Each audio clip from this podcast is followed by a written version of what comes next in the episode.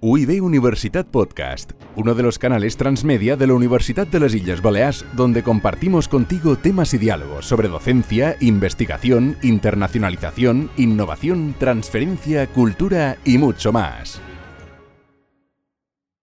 Dentro del conjunto de actividades del proyecto de investigación científica Igualdad de Género y Creencias en el marco de la Agenda 2030 del Ministerio de Ciencia e Innovación, y del proyecto de innovación docente La igualdad efectiva entre todas las personas a través de la mirada de las y los estudiantes de Derecho de la Universidad de las Islas Baleares, los profesores Francisca Pérez Madrid, Rafael Palomino y Silvia Meseguer hoy nos van a hablar de la igualdad de género en los objetivos para el desarrollo sostenible, de la igualdad de género y la autonomía de los grupos confesionales y de los desafíos que surgen en la aplicación del principio de igualdad de género en los ordenamientos de las confesiones religiosas. La igualdad de género. Se habla muchísimo hoy en día de igualdad de género, pero poco de la igualdad de género en la libertad religiosa. En realidad son dos derechos protegidos tanto a nivel internacional como en gran parte de estados y con gran repercusión en muchos aspectos de la sociedad actual. Sin embargo, hasta ahora ha habido pocos estudios sobre la interrelación de estos dos derechos. ¿Qué importancia tiene hacer ahora, en este momento, un estudio extenso como el que ustedes están abordando y qué cree que puede aportar la perspectiva de la Agenda 2030? Pues eh, la verdad es que me hace una pregunta muy interesante y yo creo que vale la pena empezar con una serie de datos que aporta precisamente Naciones Unidas porque son muy ilustrativos de cuál es la situación en el mundo en materia de igualdad de género. En primer lugar, una de cada cinco mujeres y niñas sufre los efectos de la violencia, especialmente por parte de su eh, pareja, marido. Por otra parte, hay 49 países que no tienen legislación que proteja eh, a, las personas que sufren estas situaciones. 200 millones de mujeres actualmente vivas han sufrido la eh, mutilación genital femenina. 750 millones, se estima por parte de Naciones Unidas, actualmente han contraído matrimonio siendo menores de 18 años, menores de edad. Y en otro orden de cosas, menos de un 20% de mujeres actualmente forman parte, integran parlamentos en sus respectivos países. Son datos muy ilustrativos, negativos, aunque hay ciertos puntos de luz. Es verdad que ha disminuido algunos de estos índices en los últimos 10 años, especialmente en lo que se refiere a mutilaciones genitales femeninas y también eh, matrimonios de menores de edad. Pero no solamente hay desigualdad, sino que también hay casos flagrantes de discriminación. Entonces, este es, un rasgo importante en nuestras sociedades y por esto es, es necesario prestarle la atención debida a la igualdad de género. Si a estos datos unimos el informe del relator para la libertad religiosa que se publicó en el año 2020, ahí observamos que ese informe es especialmente relevante puesto que eh, llamó la atención sobre los conflictos que se pueden eh, plantear entre la libertad religiosa y la igualdad de género.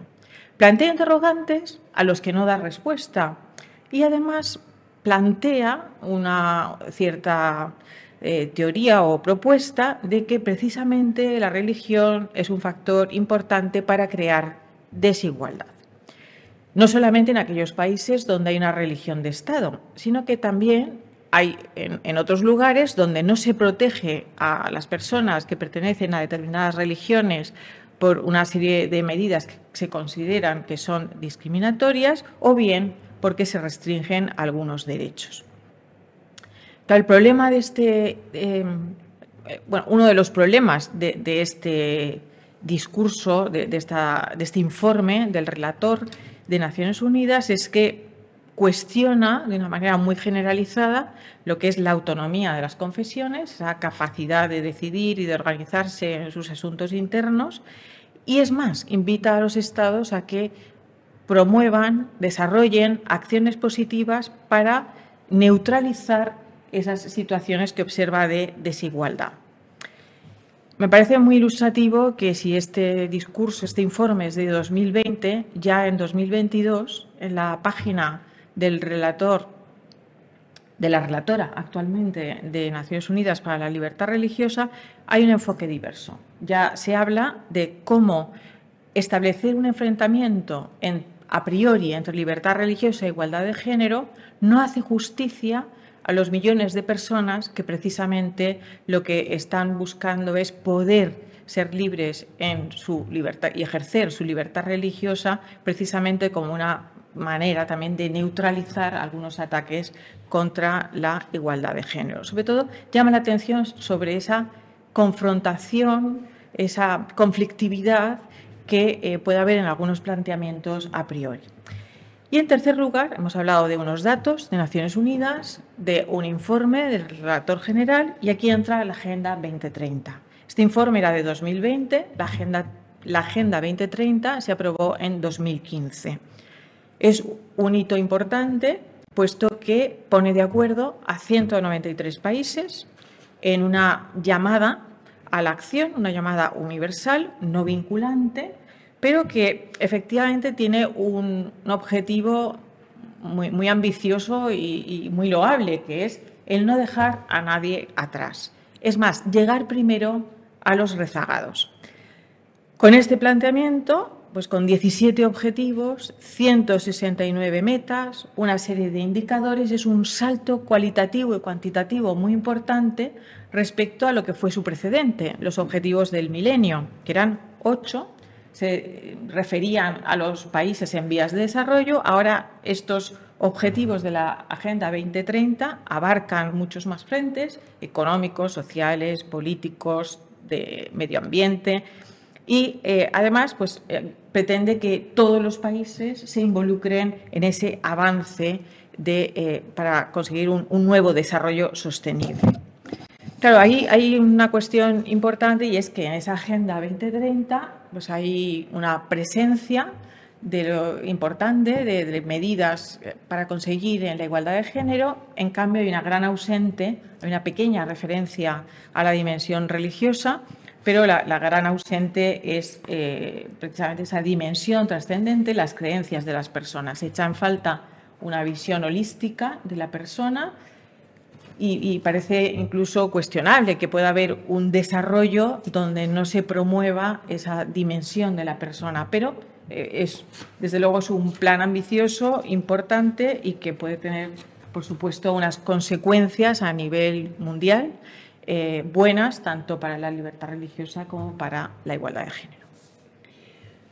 Entonces, a partir de lo que nos está diciendo, ¿Podría de algún modo concretarnos cuáles son los objetivos y las metas de la Agenda 2030 que se refieren a cuestiones en las que exista este entrelazamiento de igualdad de género y libertad religiosa? Y a lo mejor quizá también nos podría ilustrar con los casos que sean más frecuentes de tensión entre estos dos derechos. Por supuesto, el, objetivo famoso, el, protagonista en materia de igualdad de género es el objetivo 5, puesto que mm, se plantea, o yo por lo menos lo, divido en dos, en dos bloques o en dos partes. En este objetivo quinto, lo primero hay unos parágrafos, unos números en los que plantea aquellas prácticas que se deben eliminar cuanto antes. Habla de todo aquello que sea discriminatorio para mujeres y niñas, habla de todo aquello que sea eh, violencia, el matrimonio infantil y la mutilación genital femenina. Y en los siguientes números plantea unas metas proactivas de desarrollo, de avance, de afirmación. Y ahí habla pues, de la valorización, el reconocimiento de todo lo que es la dedicación a la familia, el trabajo en casa, la participación a todos los niveles eh, de, la mujer, el acceso a la salud sexual y los derechos reproductivos y eh, el empoderamiento de, las mujeres. Entonces, en estos avances que se plantean, todo esto conecta con otra serie de menciones que hay en otros objetivos de la Agenda 2030. El, siguiente objetivo importante sería el 16, que hace referencia a unas sociedades eh, más justas, más pacíficas e inclusivas. eso hace eh, en los, las metas que desarrollan y que concretan ese objetivo, hablamos de una igualdad de justicia para todos, el acceso a la justicia, también la protección de las libertades fundamentales, de acuerdo con las leyes nacionales e internacionales.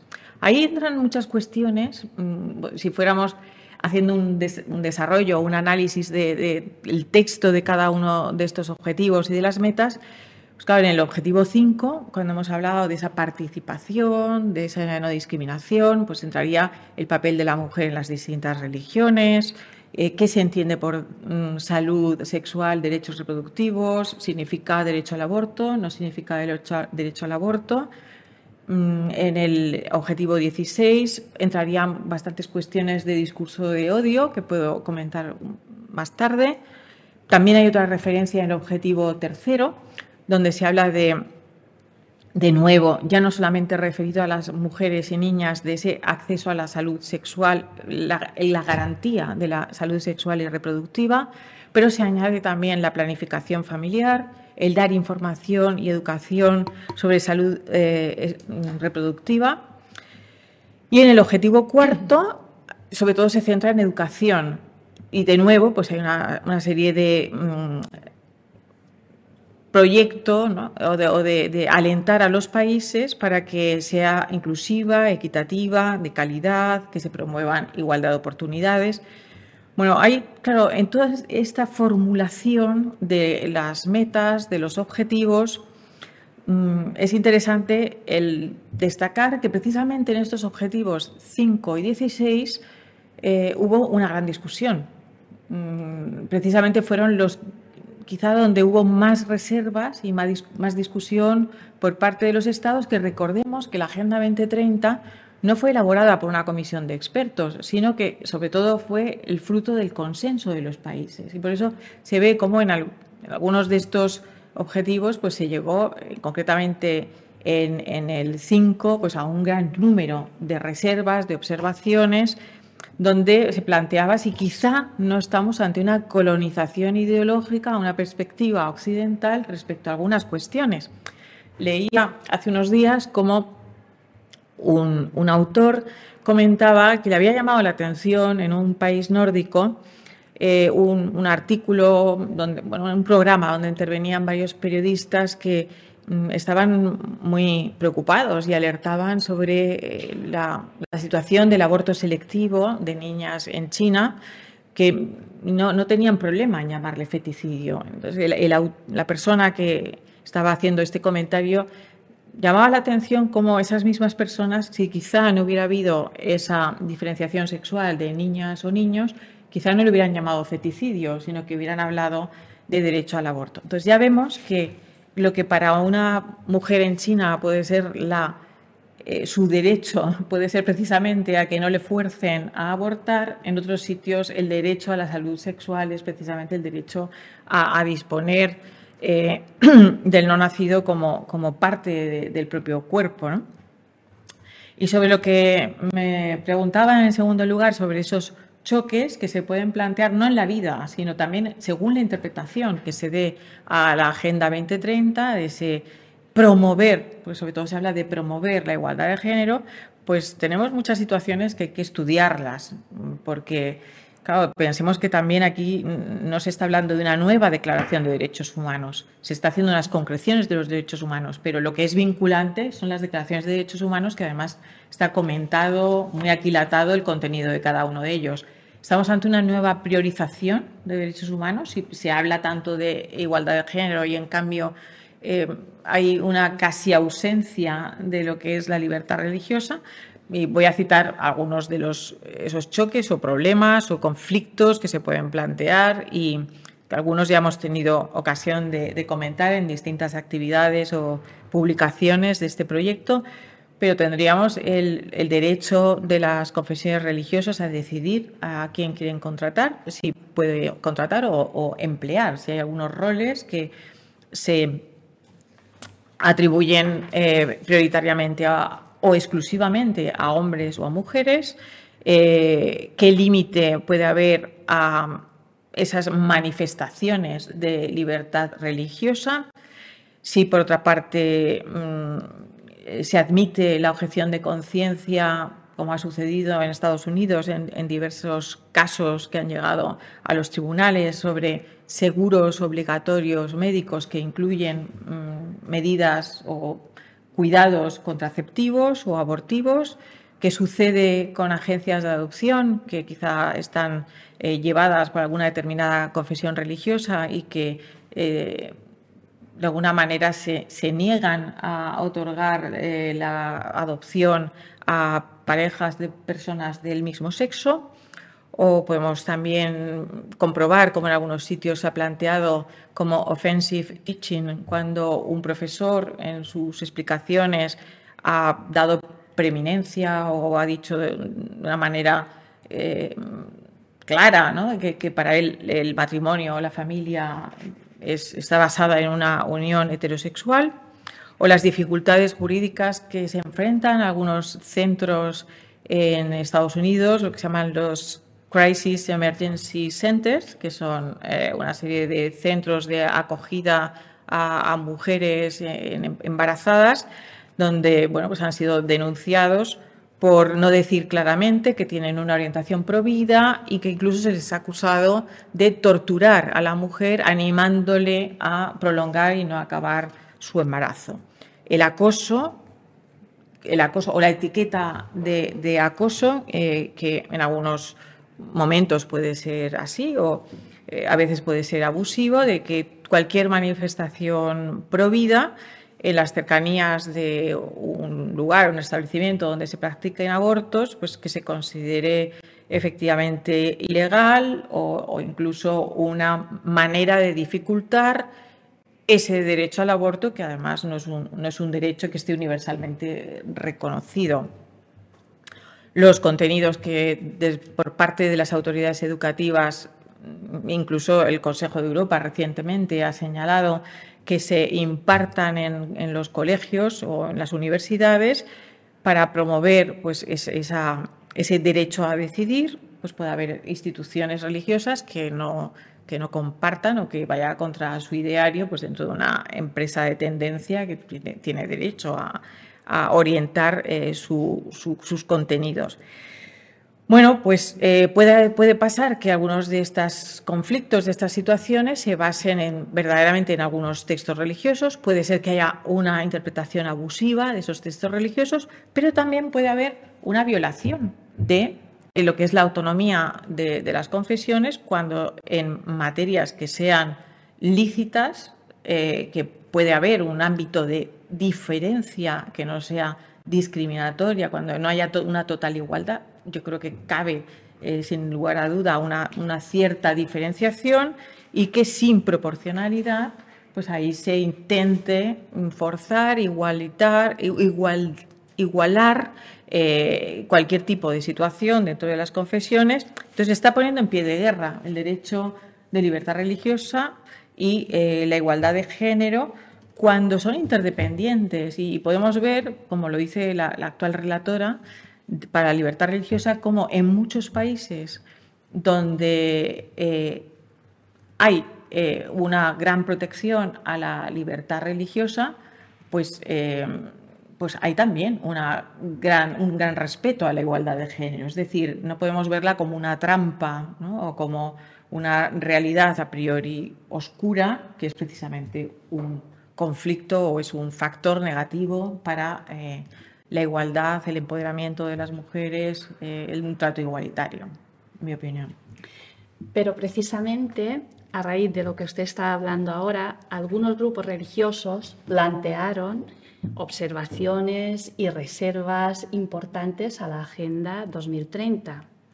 ¿Cree usted que esto supone un intento de imponer una particular visión que de alguna manera pueda amenazar el avance de la igualdad de género?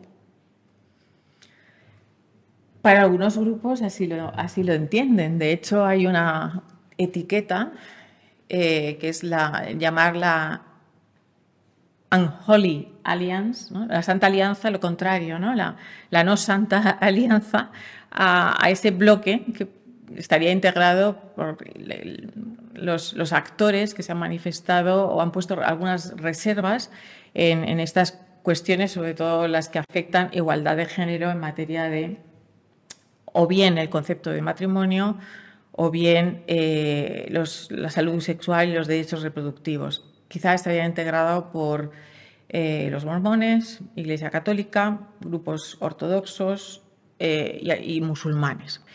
Entonces, la, etiqueta que se, suele poner es opuestos, grupos opuestos a la diversidad, nuevo fundamentalismo religioso o aquellos que quieren imponer una sociedad patriarcal. Entonces ahí destaca tanto en número como en calidad de intervenciones y en la insistencia eh, la Santa Sede. El representante de la Santa Sede ante Naciones Unidas, especialmente en los trabajos de la Agenda 2030, hemos dicho que se aprobó en 2015. En 2016 hay un texto disponible en Internet en la página del Vaticano, pero también está publicado en muchos lugares, del representante de la Santa Sede ante Naciones Unidas, cómo desgrana y aclara, yo creo que por si había algún tipo de dudas o falta de publicidad de cuáles habían sido las reservas planteadas a lo largo de la negociación o de la discusión, plantea cuáles son los puntos de vista ante la Agenda 2030, una serie de precisiones que creo que pueden ser interesantes porque también, como digo, prácticamente hasta el final eh, hicieron bastante frente común algunos grupos musulmanes con eh, los representantes de la Iglesia Católica. Entonces, frente a esta etiqueta o, quizá valoración de un anti, de que fueran anti-Agenda 2030, me, me llama la atención como lo primero que se se destaca es una valoración muy positiva de que tantos países hayan podido hacer una plataforma común, se hayan preocupado por el desarrollo, por tantas situaciones de injusticia, en un compromiso de tal magnitud. Eh, la valoración inicial es positiva y esperanzada. Sin embargo, analizando los puntos que, se quiere como destacar de una manera clara, Mm, yo realmente no veo que haya una posición anti-igualdad de género, sino ante cuestiones que precisamente son básicas para la Santa Sede, también por, su propia eh, identidad, los contenidos y los mensajes de, la religión católica y los, aclara. Entonces, eh, por ejemplo, comenta, y algunos me parece que son muy interesantes para reflexionar sobre las implicaciones de una lectura, de una determinada lectura la Agenda 2030. Dice, bueno, eh, es importante este, esta plataforma, esta llamada universal a la acción, pero hay que tener en cuenta que los medios que se han discutido durante la redacción pues, pueden ser ambiguos. Por otra parte, eh, en esta carta hace referencia a las observaciones que ya hizo la Santa Sede en la conferencia de Beijing y así como también en la de población del Cairo de 1994. Y vuelve a recordar que observa demasiado individualismo en el planteamiento de la Agenda 2030. De hecho, en los comentarios aparece de, de la discusión cómo se habla de que el empoderamiento solo puede empoderarse uno, es una cuestión completamente personal. Entonces, la Santa Sede aquí hace una llamada a esa dimensión relacional de tantas situaciones en, la vida de las personas que no se pueden olvidar. Incluso habla de la dimensión relacional de eh, la relación sexual y que un enfoque tan individualista no ayuda al desarrollo de las personas. O sea, el enfoque que intenta mostrar es hacia el respeto de un verdadero desarrollo. Eh, precisamente en coherencia con las declaraciones en las conferencias anteriores que he mencionado, recuerda que por supuesto que diferencia entre sexo y género, pero que subraya una vez más que son inseparables. También insiste en que todo aquello que se hable de salud sexual, derechos reproductivos, quiere recordar que es importante, es necesario, imprescindible, asegurar la protección del derecho a la vida desde su inicio hasta su fin natural. También el respeto de los padres a decidir el número de hijos o el espaciamiento que consideren oportuno, pero que no pueden ser forzados desde fuera por eh, ninguna autoridad. Por supuesto que hay realidades protegibles muy diversas en lo que son las uniones de las personas, pero se debe respetar y proteger de una manera especial la célula básica natural de la sociedad, que es la familia. El género, recuerda que lo entiende en sentido biológico, pero no solamente es una precisión sobre yo lo entiendo así y por lo tanto tengo ciertas reticencias respecto a Cuestiones que, por otra parte, la agenda no llegó a reflejar, no hay ninguna mención a la identidad sexual o la, orientación. Habla únicamente de sexo y género, pero no habla de orientación sexual, la agenda. Y aquí eh, me, extiendo más en la Santa Sede porque es lo que hay publicado más extenso de, de observaciones de una confesión religiosa. Me parece muy interesante la llamada que hace al respeto por el cuerpo, el respeto y la aceptación de algo que nos viene dado y lo conecta con la ecología, la ecología humana. Claro, esto es, muy interesante, el darle vueltas a, esta idea, precisamente ahora que somos tan sensibles a la cuestión de desarrollo sostenible y de la ecología.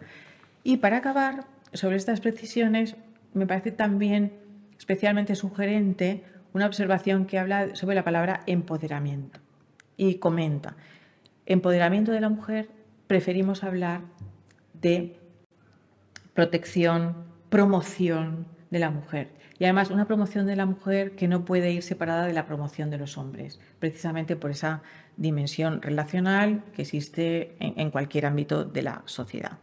Bueno, todas estas cuestiones eh, me parece que dan mucho pie a, darle vueltas, a profundizar, a que haya eventos como este, donde puedan participar miembros de confesiones religiosas, eh, sobre estas cuestiones como punto de partida para profundizar y bueno, para volver a, valorar que, todos sumamos y que no puede haber un diálogo sobre cuestiones tan, tan trascendentes sino que, sin que haya una participación de las confesiones religiosas. Me llama la atención que en alguna de estas conferencias donde fue especialmente activa la Santa Sede, luego hubo un movimiento que precisamente la profesora Vega, que hablará en la segunda mesa redonda, eh, hizo una publicación sobre algunos movimientos, algunos intentos de privar del estatuto de observador permanente ante Naciones Unidas a la Santa Sede.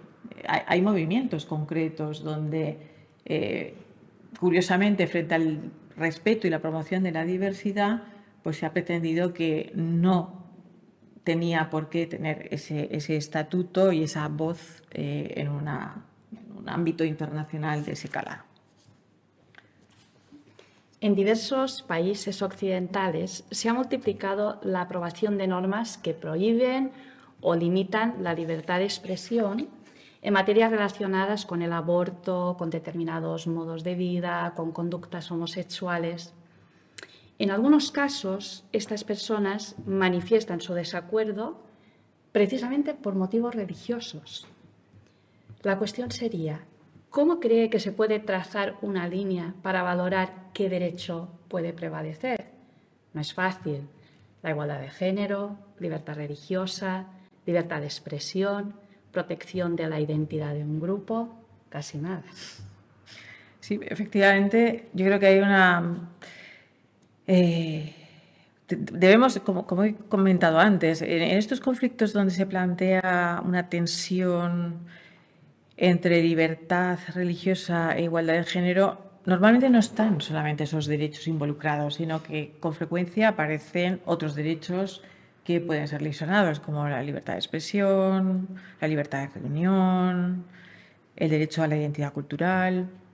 Entonces, eh, yo creo que hay una inflación ahora mismo de esa protección asimétrica a determinados grupos en estas materias a la hora de expresar sus ideas. Y mm, lo que contemplo es que hay eh, un crecimiento de denuncias sobre eh, el posible discurso de odio, especialmente cuando alguien ya no actúa, sino cuestiona eh, determinadas visiones o maneras de actuar y se califica con bastante facilidad o al menos se denuncia, aunque luego no, no prosperen muchas de esas denuncias, como discurso homófobo. Es una modalidad del discurso de odio. Y se olvida que, claro, para que pueda ser penalmente típico, pues hace falta que haya una intencionalidad de atribuir determinadas características a un grupo y de pretender que esas personas queden fuera de la sociedad porque se les considera inintegrables o que no, no pueden vivir en unas pautas, las pautas de una sociedad democrática. Entonces, en esta cuestión aparecen eh, las tensiones entre grupos pro-choice y pro-life. Esta confrontación pues, eh, ha ido creciendo en la práctica, pero también en textos internacionales. Al menos se ha, se ha reflejado en 2022 en una resolución del Consejo de Europa, la 2439, que precisamente se llama así el, acoso a eh, las personas por el derecho a decidir. Entonces, en esta resolución llama la atención que se priorice una determinada postura o, opinión y eh, se alerte a los estados a que, a que actúen, a que se muevan para proteger a aquellas personas por una parte que quieren decidir pues, eh, con el aborto o bien porque son activistas y defienden estas posturas pro-choice. Entonces, bueno, pues eh, alertan sobre aquellos que dan informaciones inexactas, que manipulan la, angustia, la culpa, la vergüenza de las personas que acuden a, estos eh, centros donde se practican abortos, aquellos que intentan influir. Hay países donde incluso está sancionado, penalizado el intentar influir a estas personas, el intentar darles una opinión. Se habla de, por parte del Consejo de Europa de implantar en los currículos, en los currículos de los distintos eh, grados, enseñanzas universitarias, colegios, una información mucho más presente sobre la contracepción o contra, contra acerca de la contracepción o del aborto. Y esto, lógicamente, pues se ha ido extendiendo. Entonces, pues desde noticias que aparecen de cómo en el campus de algunas universidades tan famosas y prestigiosas como, como Harvard, pues ha habido unos movimientos estudiantiles de eh, intentar erradicar cualquier tipo de mm, pronunciamiento pro-life o de pancartas pro-life porque entienden que son eh, que disturban el ambiente del campus y que crean una atmósfera incómoda. Estas han sido las razones. Han aparecido las famosas leyes Safe Access Zones o Buffer Zones, que son pues, el establecer unos 100, 150 metros alrededor de, estos, eh, de estas clínicas donde se practica el aborto. Y esto pues, podemos ver desde Nueva Zelanda, Ontario, en Inglaterra, en Estados Unidos, eh, distintas medidas que se han ido estableciendo, pero no solamente para que no haya personas que impiden el acceso, sino incluso pues, manifestaciones de posturas pro-life, una especie de zonas no libertad de expresión, donde no hay libertad de expresión. En algunos lugares se han recurrido y se han anulado esas mm, medidas. Por ejemplo, en Estados Unidos ya hace años hubo, llegó a la Corte Suprema de los Estados Unidos la impugnación de una ley de Massachusetts donde se establecía esta zona de no libertad de expresión y es muy interesante eh, el diálogo que se plantea entre el juez ponente, Roberts, y luego las opiniones del juez Escalía y Alito. El juez Roberts dice, efectivamente, eh, pues aunque esta ley impone un peso excesivo, una limitación excesiva eh, a la libertad de expresión, aunque sean conductas indebidas, a lo que responde eh, el juez Scalia diciendo por qué pueden ser conductas indebidas si entran dentro de lo que es la primera enmienda. Esto es una interpretación curiosa de la primera enmienda. Y también ahí eh, el juez Alito pues, también hace sus observaciones que yo creo que sirven como criterios para reflexionar esta materia y, contempla por qué estas opiniones tienen una protección especial respecto a otros temas que no tienen esa superprotección. En España, sin ir más lejos, en una reciente reforma del Código Penal, el artículo 172 cuater ha establecido un nuevo tipo penal en el que eh, se incrimina aquellos actos intimidatorios, ofensivos, que puedan molestar a las personas que acudan a eh, los centros eh, o clínicas abortivas y no solamente protege a esas personas que acudan como pacientes o, que acudan para esos servicios, sino también a los acompañantes y al personal médico. ¿Cuál es el fin de estas leyes? ¿Proteger a las mujeres o el evitar la discusión abierta? Esta es una pregunta que yo creo que hay que, hay que darle vueltas, sobre todo cuando el Tribunal Europeo de Derechos Humanos tenemos precedentes muy interesantes, Gundus contra Turquía, Handyside, tenemos también Jersey contra Dinamarca, que, donde precisamente se, se, bueno, se destacó esa idea de que en la libertad de expresión se pueden eh, verter o declarar eh, algunas opiniones que puedan ser molestas u ofensivas para otras personas, pero están protegidos por el artículo 10 del convenio. Por tanto, bueno, pues eh, también en Alemania ha habido una, sentencia ANEN contra del Tribunal Europeo de Derechos Humanos de una persona que estaba repartiendo folletos contra el aborto en cercanías de una clínica y el propio Tribunal Europeo dijo que no se podía limitar eh, tanto la libertad de expresión y que es más que no había un derecho esto es también en un tribunal de Frankfurt, en otra, otra, otra norma que se impugnó, no había un derecho a evitar la confrontación sobre una materia que era totalmente, eh, estaba abierta a la discusión.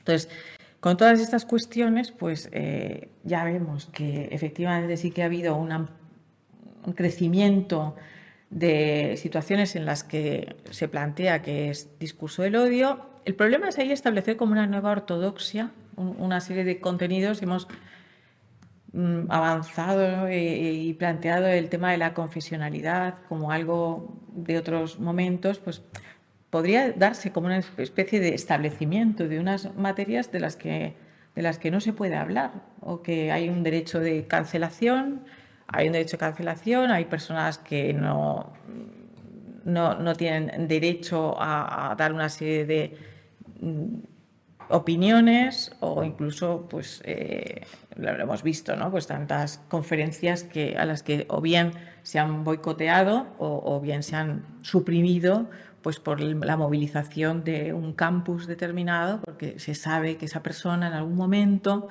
pues habló sobre el matrimonio o habló sobre el derecho a la vida. A la luz de todo lo que nos ha comentado y ya un poco a modo de conclusión, ¿Cree usted que la Agenda 2030 será un impulso eficaz para la identidad de género, respetando, eso sí, otros derechos fundamentales? Bueno, hay que ser optimistas y, como decíamos antes, el, el texto tiene aspectos muy interesantes, es un compromiso global importante que pone sobre la mesa verdaderas situaciones que hay que superar, eh, mejorar, erradicar otras. Eh, la cuestión es los medios, los medios que se empleen y ahí pues también hay una cuestión de la soberanía de los estados. Otro de los aspectos, no solamente los religiosos, sino los argumentos por los que ha habido unas quizá más reservas, observaciones por parte de los estados, es también esa amenaza a la pérdida de soberanía para decidir en cuestiones sobre las que pueden tener una visión distinta, sobre cuestiones muy importantes. Entonces yo diría en primer lugar optimismo. Eh, convocatorias como esta dan pie a la reflexión, a, no descartar determinadas opiniones porque sean theology rooted, porque tengan una base teológica, que es otra etiqueta que con frecuencia podemos encontrar. El volver a, esa, a replantearnos esa versión o visión holística de la persona, la, ausencia de, religión no colabora al desarrollo sostenible, está obviando, está ocultando pues una dimensión muy importante eh, de, la persona, o por lo menos de, muchas personas, porque algunas eh, ideas sean defendidas por una confesión religiosa, eso no significa que sea una idea confesional, porque el robo esté condenado por el Islam, por el cristianismo, eso no significa que sea una idea musulmana o católica, por lo tanto no, no hay que tener eh, esos prejuicios o descartar esas ideas. Eh, hay que identificar a, las víctimas, que no solamente son aquellos ofendidos, sino también aquellos que no tienen voz. Antes hacíamos referencia a tantos países en China, en India, donde precisamente los derechos en materia sexual no se entienden igual que en otros países occidentales. Eh, y hay que reflexionar más sobre el principio de proporcionalidad. No todos esos puntos de encuentro entre la libertad religiosa y la igualdad de género tienen la misma repercusión o la misma identidad.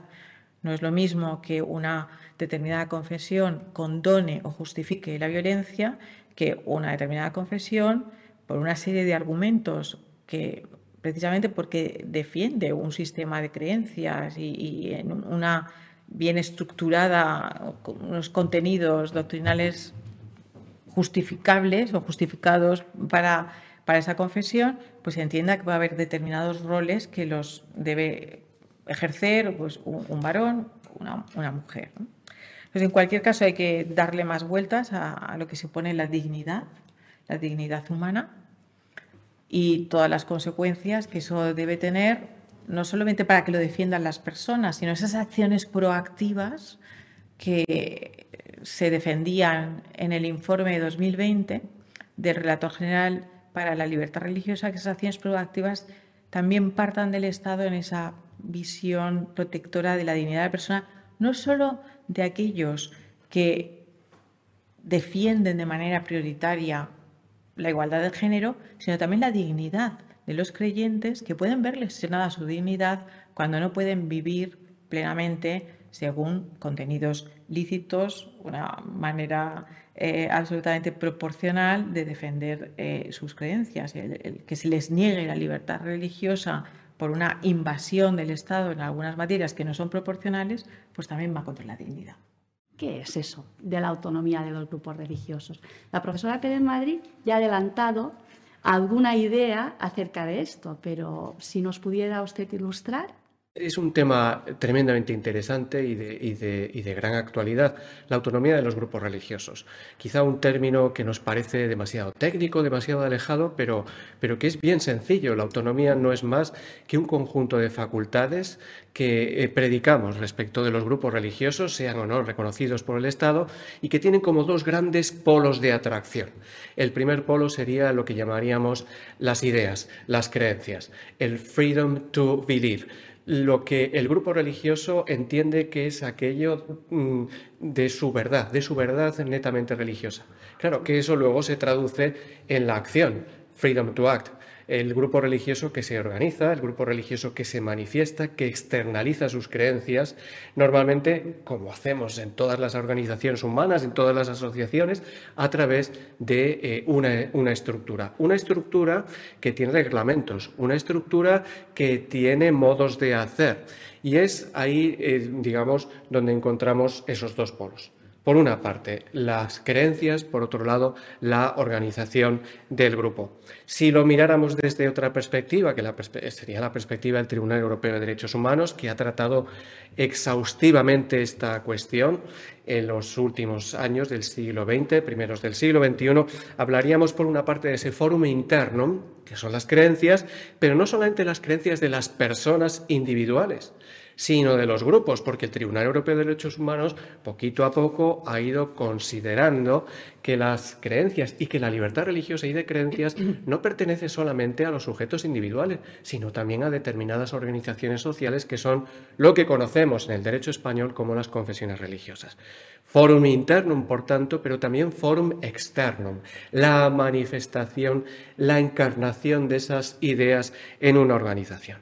Bien, pero probablemente ustedes que están en el público y los que nos siguen dirán, bueno, pero si es que en el fondo lo que ustedes nos está intentando explicar es aspectos de la libertad religiosa. Y así es, porque la autonomía no es una superestructura que protege desde fuera un derecho fundamental. Es parte de ese derecho fundamental cuando de lo que estamos hablando es de los grupos religiosos. De hecho, eh, si les parece, podríamos eh, condensar algunos de los aspectos más importantes de la autonomía siguiendo a un autor norteamericano, Sveck, que se ocupó, puesto que ha sido un tema de actualidad en los últimos años en el derecho de los Estados Unidos de Norteamérica, se ocupó de sintetizar de qué hablamos cuando hablamos de eh, autonomía de los grupos religiosos. En primer lugar, determinación e interpretación de la doctrina religiosa.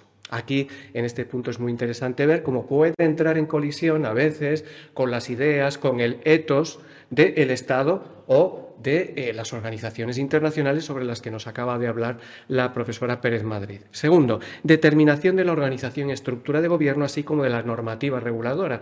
Porque no lo olvidemos, en muchas ocasiones los grupos religiosos tienen su propio derecho tienen sus propias normas de carácter jurídico. Tercero, régimen de selección, formación, supervisión, promoción, remoción de los ministros de culto, líderes religiosos, así como de los empleados con funciones conexas Mm, de naturaleza religiosa o no religiosa.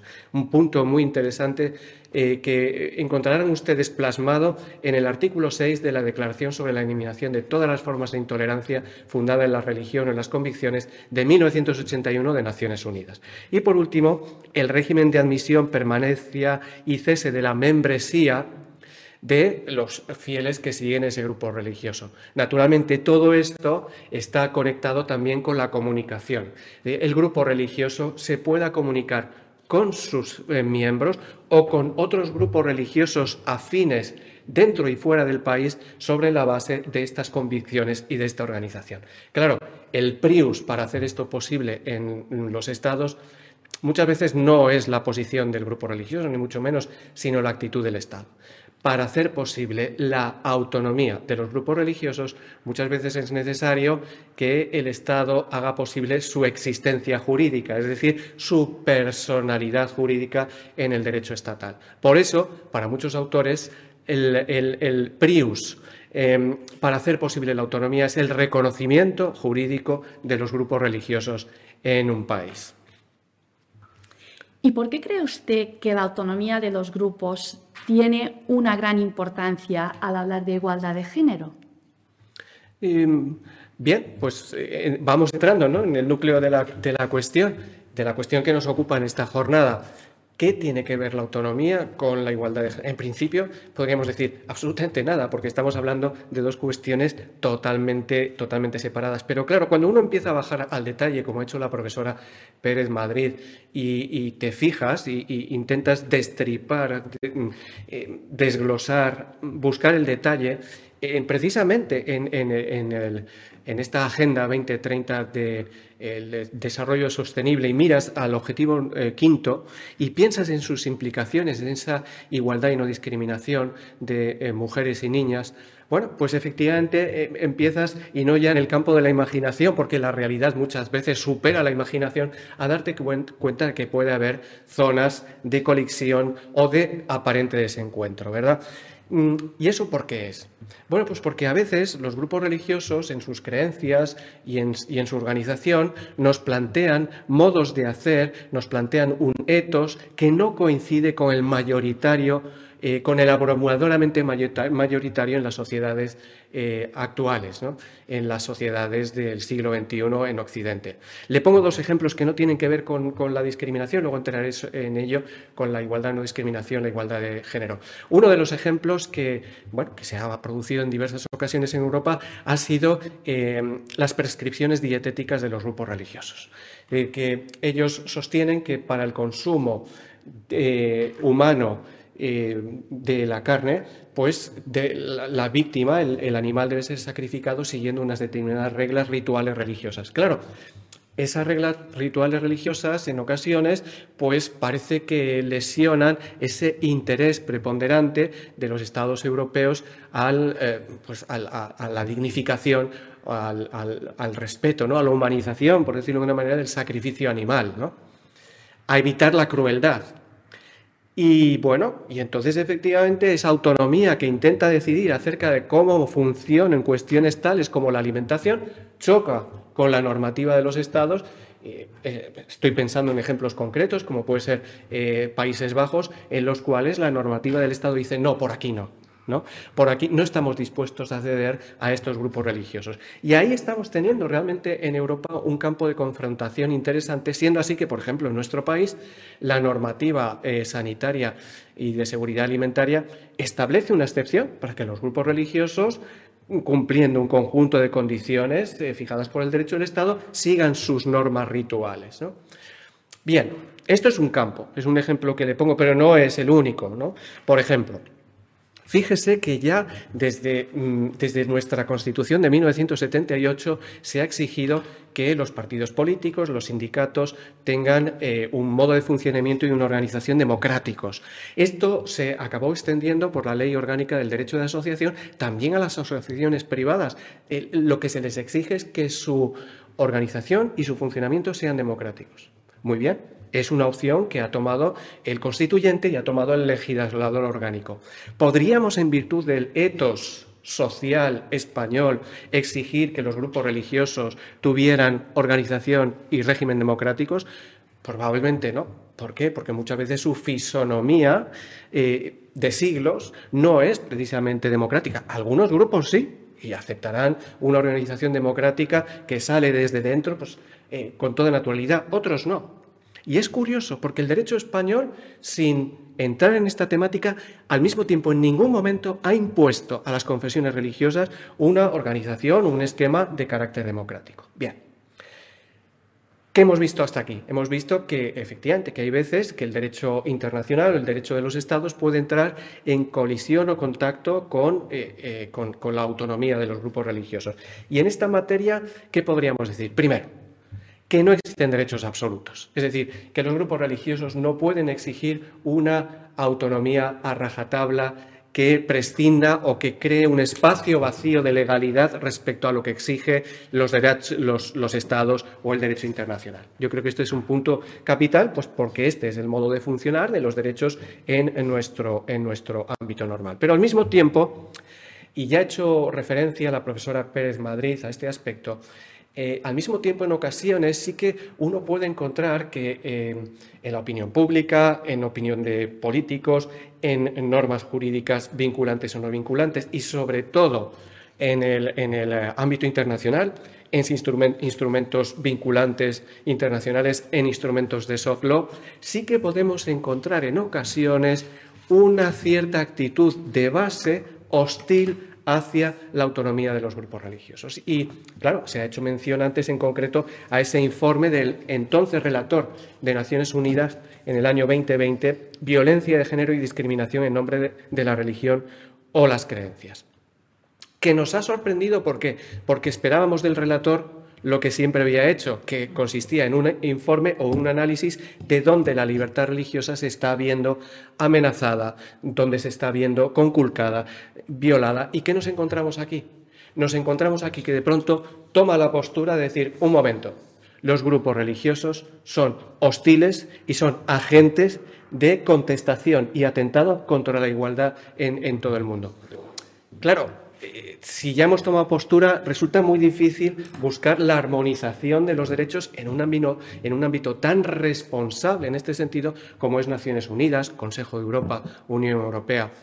Por lo tanto, como pueden comprobar, se trata de dos cuestiones que han entrado en contacto la una con la otra y que nos corresponde, creo yo, a los juristas, con serenidad, pensar cuál es el puesto que debe tener cada uno. No existen derechos absolutos, pero tampoco podemos adoptar una actitud hostil frente a la autonomía sencillamente porque no coincide con las ideas actuales de moda. Y un poco, si me lo permite, dando media vuelta de tuerca más a la idea que usted estaba exponiendo ahora, con el derecho de la Unión Europea en la mano, mm. ¿estaría obligada la Iglesia Católica a ordenar sacerdotes a mujeres? Para no incurrir en una discriminación laboral contraria al derecho europeo. O visto de otra forma, ¿es respetuosa la Unión Europea con la autonomía de los grupos religiosos? Bueno, pues sí, estupendo. O sea, me encanta la pregunta porque es bajar a lo concreto, ¿no? Es decir, vamos a examinar situaciones específicas en las cuales, digamos, eh, podemos valorar. Aquí hay eh, un respeto a la autonomía. ¿Se debe respetar la autonomía o no? Pero y, vamos, a, vamos a lo concreto, porque las grandes ideas pues, nos llevarían a decir, efectivamente, ¿cómo es posible que un grupo religioso no haya... Vamos a pasar a lo concreto. Y lo concreto es lo siguiente. Eh, ¿Qué consideración tiene el ministro de culto católico dentro de, su iglesia? Pues no tiene la consideración de un empleado. Eso para empezar, que yo creo que clarifica mucho. Y así está reconocido por los eh, ordenamientos jurídicos de nuestro entorno prácticamente toda Europa y América considera que, bueno, que es un tipo de relación jurídica extralaboral. Es decir, que lo que está prestando es otra cosa. Vamos a llamarlo una especie de voluntariado, vamos a llamarlo pues, un servicio de caridad, que es como o de solidaridad, que es como lo consideraría la propia confesión religiosa. No es propiamente la prestación de un servicio eh, de carácter laboral.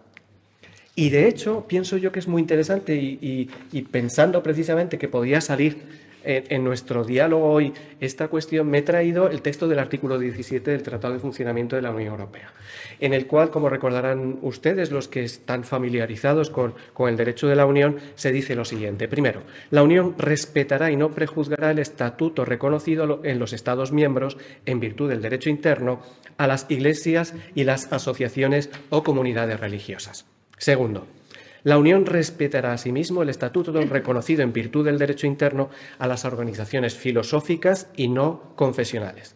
Tercero, reconociendo su identidad y su aportación específica, la Unión mantendrá un diálogo abierto, transparente y regular con dichas iglesias y organizaciones. ¿Qué me está diciendo? Bueno, pues que si en los países miembros de la Unión esa relación entre el ministro de culto católico y su iglesia no es laboral, pues Así la vamos a dejar y no vamos a entrar en el campo de considerarlo desde el punto de vista laboral si aquello es discriminatorio o no. Pero demos un paso más, que yo creo que también es interesante hacer ese ejercicio eh, intelectual.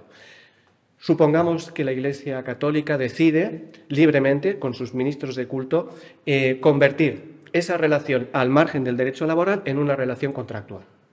¿Qué pasaría ahí? A partir de ese momento, para respetar la igualdad propia del campo laboral en los países miembros de la Unión Europea, la Iglesia se vería obligada a ordenar eh, mujeres y luego contratar en esa relación laboral? Contestación. Ese tipo de práctica eh, no, no, no se vería la Iglesia obligada a ella. Ojo, muy interesante.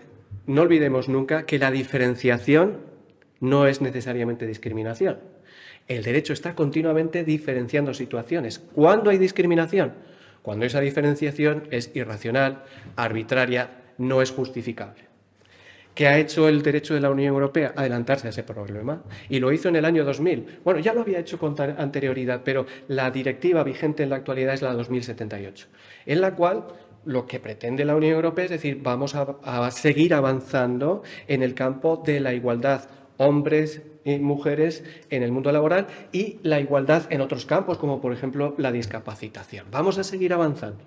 Y cuando se propone seguir avanzando, tiene en mente que efectivamente hay sectores en los cuales hay diferencias de trato laboral que están justificadas, que son razonables y en concreto, por eso, el artículo 4 establece unos requisitos profesionales matizados respecto de lo que sería la exigencia de la no discriminación directa o indirecta fijada en el artículo 2 de la directiva. Mm, leo rápidamente solamente el primer número para que se hagan ustedes una idea de por dónde vamos. No obstante lo dispuesto en los apartados 1 y 2 del artículo 2, que está definiendo la discriminación directa o indirecta en el campo laboral, los Estados miembros podrán disponer que una diferencia de trato basada en una característica relacionada con cualquiera de los motivos mencionados en el artículo 1 no tendrá carácter discriminatorio cuando, debido a la naturaleza de la actividad profesional concreta de que se trate o al contexto en que se lleve a cabo, dicha característica constituya un requisito profesional esencial y determinante, siempre y cuando el objetivo sea legítimo y el requisito proporcional. Esto se dice, digamos, a todo el mundo, no solamente a los grupos religiosos, se le está diciendo a toda Europa. ¿eh? ¿Qué es lo que está de fondo? Las denominadas em-, empresas de tendencia. Y en el número 2 del artículo 4 ya entra un poquito más a ver qué pasa con los grupos religiosos europeos. Los Estados miembros podrán mantener en su legislación nacional vigente el día de adopción de la presente directiva o establecer en una legislación futura que incorpore prácticas nacionales existentes al día de adopción de la presente directiva, disposiciones en virtud de las cuales, en el caso de las actividades profesionales de iglesias y de otras organizaciones públicas o privadas cuya ética se basa en la religión o las convicciones de una persona, por lo que respecta a las actividades profesionales de esas organizaciones, no constituya discriminación una diferencia de trato basada en la religión o las convicciones de una persona. Y continúa. Pero ya ven que aquí lo que está haciendo es establecer un eh, marco para aclarar que esto no tiene un carácter discriminatorio. Conclusión, por lo tanto, provisional. No, no estaría incurriendo en eh, discriminación laboral el hecho de que no ordene, em, no ordene eh, mujeres para el sacerdocio femenino. Pero claro, yo he hecho una relectura del artículo cuarto y me he dado cuenta que sería posible lo que denominaríamos una perspectiva meramente secular del problema. Es decir, si yo hago una lectura meramente secular del artículo 4, podría llegar a concluir del siguiente modo. A ver, ¿qué es lo que está haciendo el ministro de culto católico? Predica, realiza unas acciones dentro de una iglesia. Ah, muy bien. Y eso mismo, ¿está una mujer incapacitada para realizarlo? Parece que no. Y de hecho, algunos grupos cristianos ya aceptan el sacerdocio femenino, la iglesia anglicana, por ejemplo, ¿no? Claro, va a depender, en el fondo, ¿eh? de si somos lo suficientemente elásticos, tolerantes y de mentalidad abierta para contemplar el artículo 4 desde esta perspectiva respetuosa ante la autonomía, que lleguemos a una conclusión o a otra. Es decir, que aunque con la ley en la mano, ahora mismo, eh, no constituye una práctica discriminatoria la ordenación solamente de hombres, sin embargo, una lectura, digamos, más, eh, mm, más distanciada de los grupos religiosos podría a lo mejor llevar a la conclusión contraria. Y cogiendo esta idea de la diversidad o la pluralidad en la interpretación, ¿Cree usted que la jurisprudencia del Tribunal de Justicia de la Unión Europea está respetando la autonomía de los grupos religiosos? Sí, porque no es una cuestión. No, no, no, es una cuestión, es una cuestión. Claro, es que, es que realmente, como, como, como usted bien sabe, el, el, protagonismo que el Tribunal de Justicia de la Unión Europea está teniendo en materia religiosa, pues ha crecido en los últimos años. Casi me atrevería a decir exponencialmente.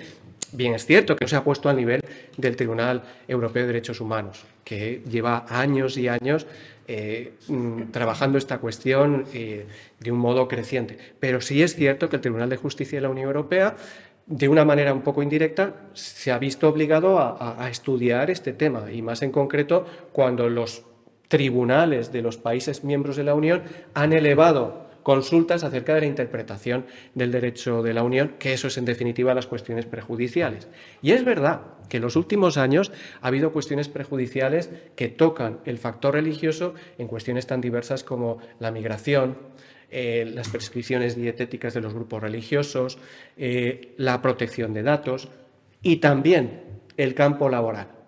Y ahí es donde podríamos quizá fijarnos para eh, tomar el pulso a si el Tribunal de Justicia de la Unión Europea está siendo o no respetuoso con la autonomía de los grupos.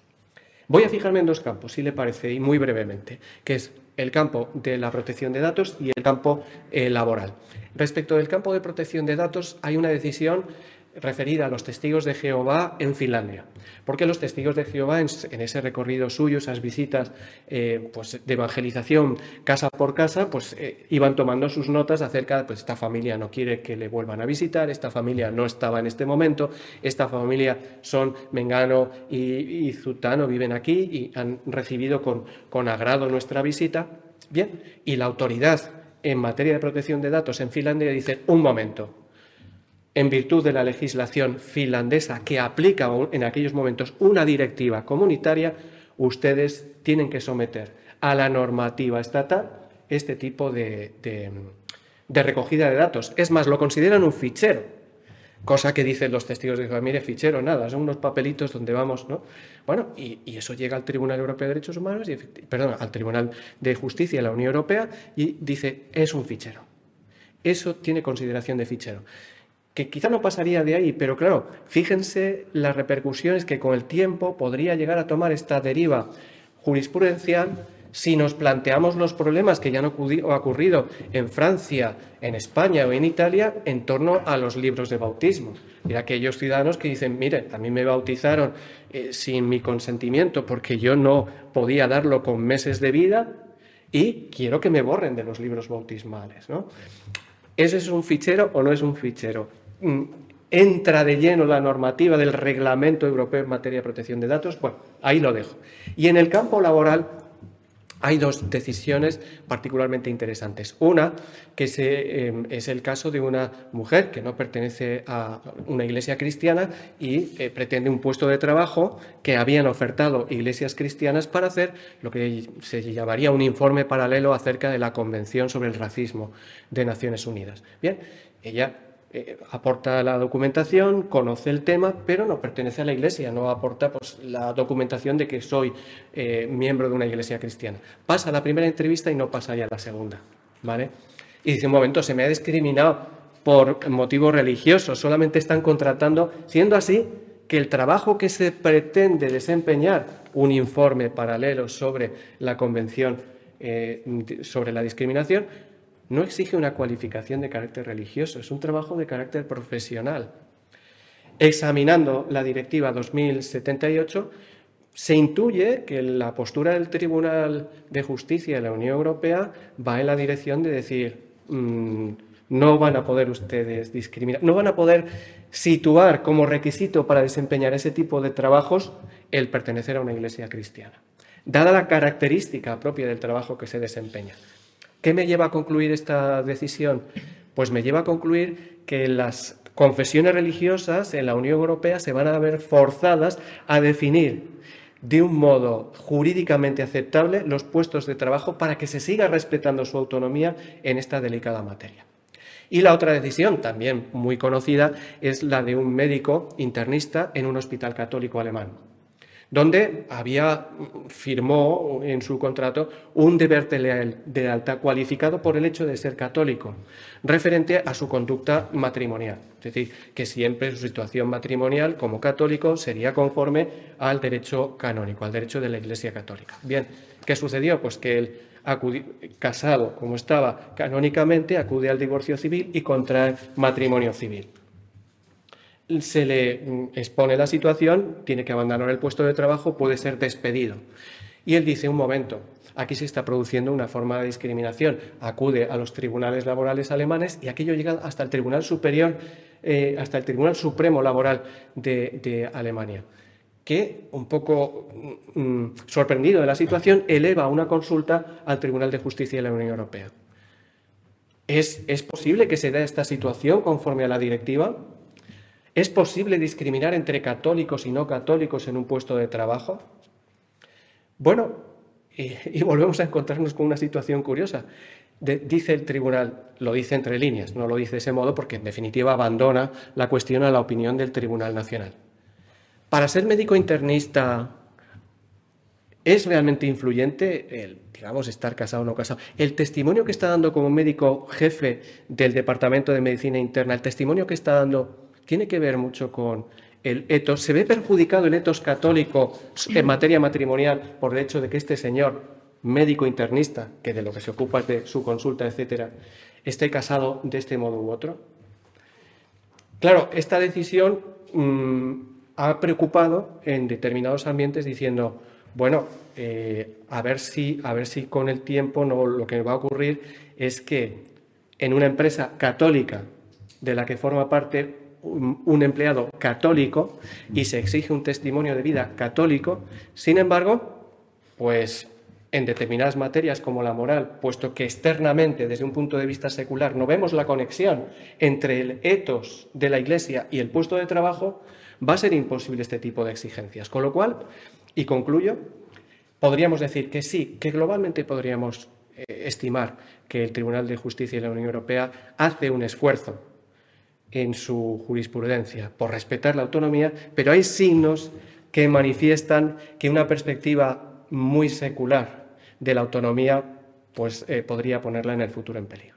Ha sembrado una semilla perfecta para que ahora nos hable de los desafíos relacionados precisamente con la aplicación del principio de igualdad de género en los ordenamientos confesionales, que va pues muy al hilo de los planteamientos del profesor Palomino.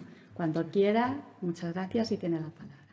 Naturalmente que nos encontramos en unas sociedades secularizadas, pero en estas sociedades secularizadas el elemento religioso eh, sigue existiendo, sigue existiendo como un elemento identitario y eh, ciertas prácticas eh, religiosas de estos grupos son percibidas por parte de la sociedad civil como discriminaciones mm, entre el varón y la mujer, muchas veces como diferencias y eh, como me planteaba, pues estas diferencias en algunos casos pues pueden resultar justificadas.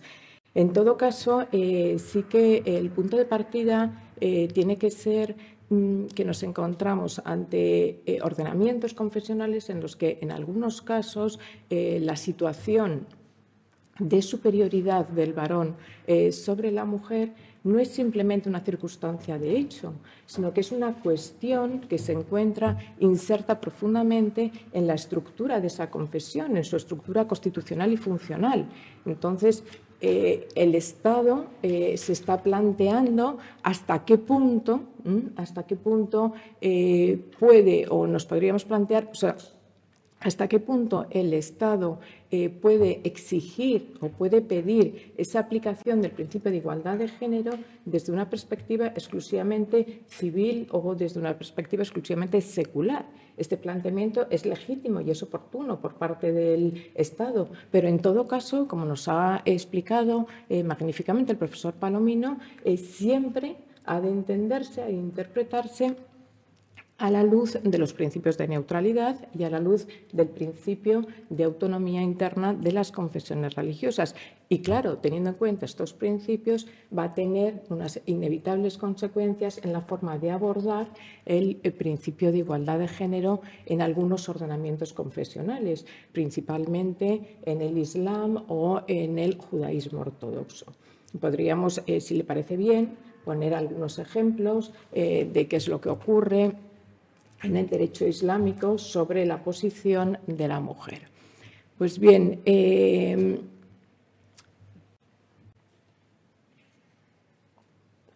en el derecho islámico el punto de partida debe ser cómo se entienden eh, las funciones eh, del varón y de la mujer, cómo se entienden los derechos y deberes del hombre y de la mujer. la profesora Convalía explica que es muy eh, importante situarnos en que no estamos hablando de una igualdad jurídica entre hombre y mujer, que no se les reconocen los mismos derechos y no se les reconocen eh, los mismos deberes, sino que se entienden que existe una relación de equidad, que existe una relación de complementariedad y que esa complementariedad es la que justifica o la que, garantía la, la que garantiza la armonía social. Esto, lógicamente, en la práctica eh, va a suponer eh, una subordinación de la mujer respecto del varón. Y esto se va a proyectar en multitud de instituciones, sobre todo en el derecho de familia islámico el repudio, la poligamia, los matrimonios forzados de las niñas eh, menores de edad, que después nos explicará la profesora Vega, etcétera. Todas estas eh, situaciones eh, de discriminación son eh, objeto mm, de, o se están tratando de erradicar, están en el punto de mira del objetivo número 5 del Objetivo de Desarrollo Sostenible de la Agenda 2030, nos lo ha explicado antes la profesora Pérez Madrid, y en la meta 5.3 pone el foco de atención en ir evitando estas desigualdades. Pero quiero centrarme en, eh, otro ejemplo. Eh, se ha discutido mucho qué ocurre con la utilización del velo islámico, que, eh, en concreto o en particular qué ocurre con el burka y qué ocurre con el niqab. Es muy frecuente que nos encontremos distintas opiniones. La doctrina académica ha trabajado mucho sobre esta cuestión. El Tribunal Europeo de Derechos Humanos se ha pronunciado en numerosas ocasiones y en una buena parte de ellas eh, siempre mm, se invoca eh, la seguridad ciudadana y el orden público como un motivo para que no se utilice eh, para que no se utilice esta prenda, esta prenda en, en, el espacio público. Pero hay otro motivo que se suele invocar y que es muy frecuente y es la dignidad humana y la igualdad entre varones y mujeres. Pues bien, y esto se entiende que es una razón suficiente para prohibir su utilización en los países europeos. Mm, creo mm, que sí que realmente eh, tenemos que abordarlo desde esta eh, dignidad y desde la perspectiva de la eh, igualdad, pero teniendo en cuenta, en primer lugar, que es muy importante pensar también o abordarlo desde el punto de vista de lo que quieren las mujeres, de lo que piensan las mujeres eh, islámicas. Es decir, Hemos visto como en los últimos tiempos y más frecuentemente desde que han ocurrido eh, los eh, sucesos de Masamina, la revolución del velo iraní, son las propias mujeres las que empiezan a defender el derecho a portar o no esta prenda. Suponga para ellas esta prenda un símbolo religioso, identitario, cultural, etcétera. Pero una vez que ellas eh, han decidido de forma libre y legítima la utilización de esta prenda es, eh, y que no está impuesta por el varón, entonces es cuando debemos intentar eh, no situarnos ante esta presencia de este símbolo eh, con la mirada de una mujer occidental que va a estar llena de connotaciones sociales, de repercusiones mediáticas, sino desde la mirada de la mujer islámica que sí que entiende que está cumpliendo una serie de principios y una serie de reglas de carácter religioso y que no son bien entendidas en las sociedades occidentales. Junto a ello nos encontramos que en ocasiones, cuando ya la mujer ha decidido si quiere utilizar o no eh, esa prenda, aparecen las legislaciones de algunos estados que están prohibiendo la utilización de la misma. Es decir, cuando no aparece la voluntad del varón imponiéndole la utilización de la prenda, surge la actitud paternalista del Estado que le dice usted no puede utilizar esta prenda. Entonces, en este sentido, eh, debemos recordar que el Tribunal Europeo de Derechos Humanos, en el caso Preti eh, contra Reino Unido de 2002, lo que señaló es que eh, la dignidad no se podrá invocar para establecer injerencias o restricciones en la libre autonomía en los casos en los que el sujeto haya consentido libremente a pesar de de que este comportamiento se derive a juicio de la sociedad en un menoscabo para su dignidad. Es decir, que en muchos casos estamos utilizando el argumento de la dignidad eh, de la mujer, el, argumento de la igualdad entre el varón y la mujer, cuando es ella misma la que quiere, no se la deja decidir de una forma libre, eh, legítima, voluntaria, si quiere o no utilizar dicha prenda. Eh, el Tribunal Europeo de Derechos Humanos, en contra de este criterio de la dignidad, cuando ha acudido a, pronunciarse sobre la cuestión del velo ha sido mucho más restrictivo. Eh, si nos acordamos del famoso caso SAS contra Francia, ahí la gran sala del Tribunal Europeo de Derechos Humanos se olvida del argumento de la dignidad para acudir al argumento eh, del margen de apreciación de los estados junto a un concepto inmaterial, junto al Vibrensem o Living Together, señalando que precisamente eh, los requisitos para una convivencia democrática justifican que se pueda validar la legislación francesa que prohíbe la utilización del burka. Y no solo lo hace en este caso, sino que posteriormente, en las sentencias de 2017, vuelve a, vuelve a acudir a este concepto de la convivencia pacífica en sociedades democráticas para validar también la legislación belga que prohíbe la utilización de esta prenda en el espacio público.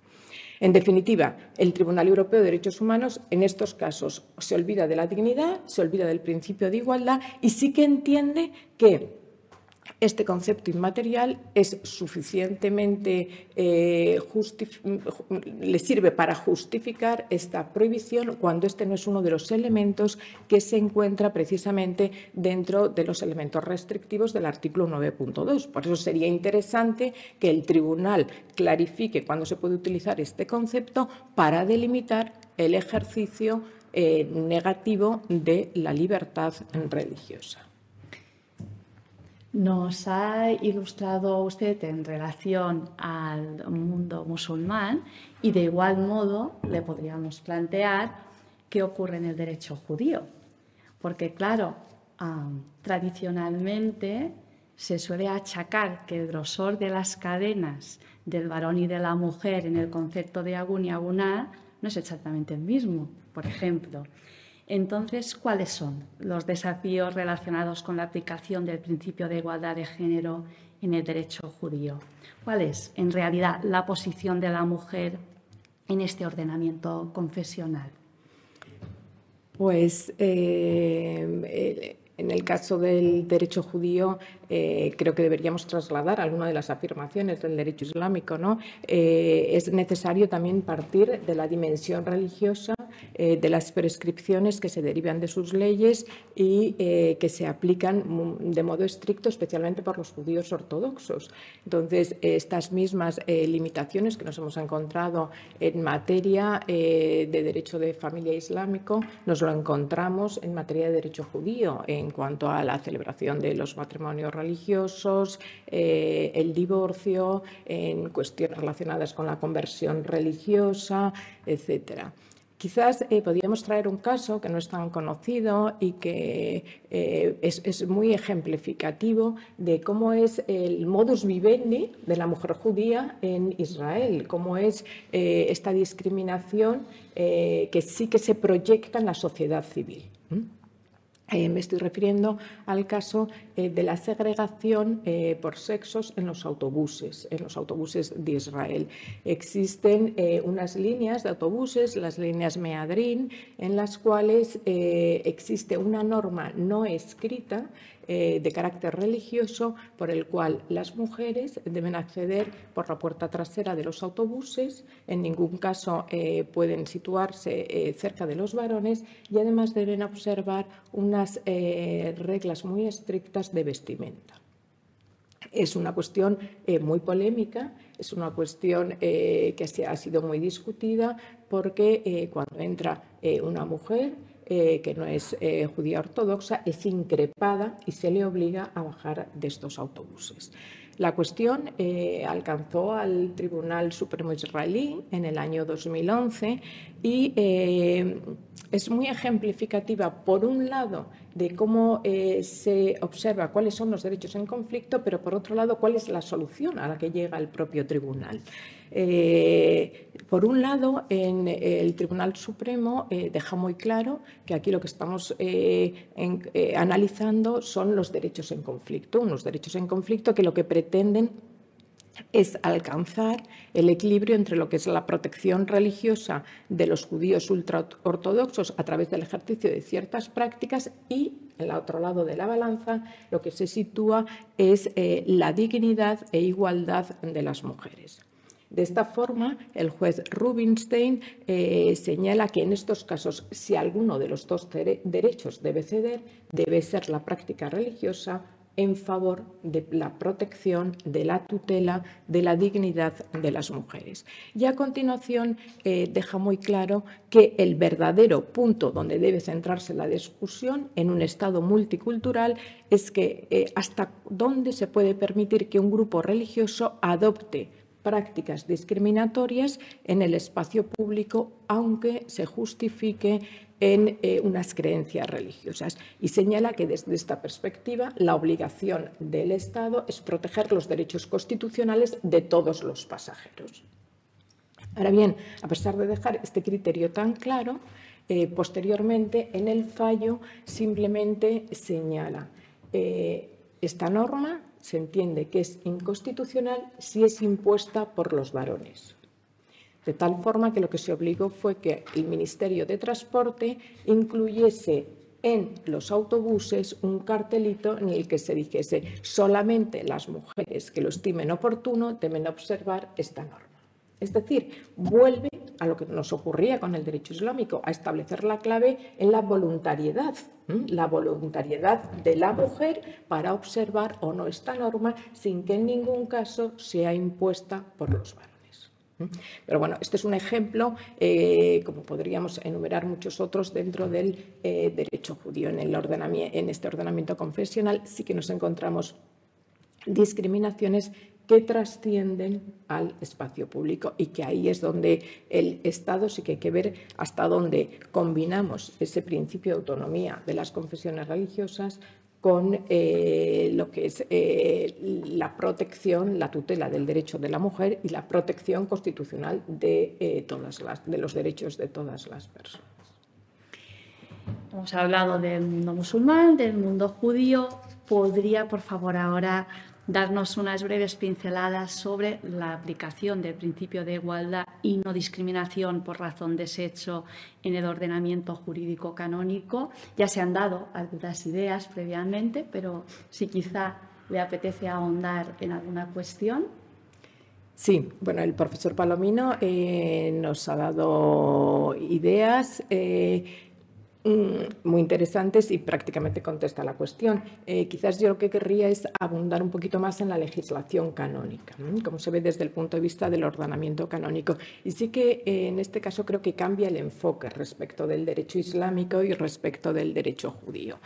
En el eh, ordenamiento canónico, desde el siglo XX, desde el principio del siglo XX, en sus diversas eh, legislaciones, en las sucesivas legislaciones, se han eh, intentado ir eliminando las diferencias, las discriminaciones entre el varón y la mujer que se ha intentado eh, de alguna forma que la mujer eh, tuviese, eh, tuviese, una relación de igualdad con el varón, no solamente de hecho, sino también de derecho. Es lógico que esto ha llevado un proceso, pero es el mismo proceso que ha llevado la sociedad civil. O sea que sí que podríamos decir que en cierto modo pues, ha ido funcionando en paralelo. Eh, lo que sí que se comprueba es que en la legislación del año 1983, en la legislación eh, del Código de Derecho Canónico de 1983, se hace un avance muy importante. Y se hace un avance muy importante porque al mismo tiempo eh, se delimitaron los derechos fundamentales de los fieles. En el canon 208 del Código se proclama la igualdad radical de todos los bautizados. Y esto, eh, lógicamente, es un punto de partida muy interesante.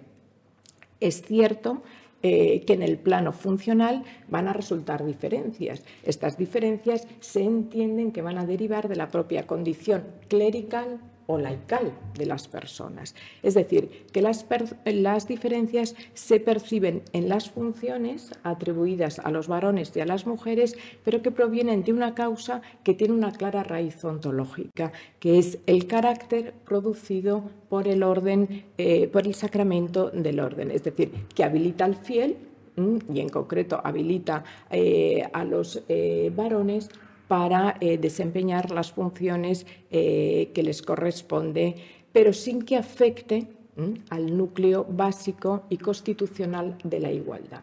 Y esto se ve muy claro porque a continuación el código está regulando eh, cuáles son los derechos de los laicos.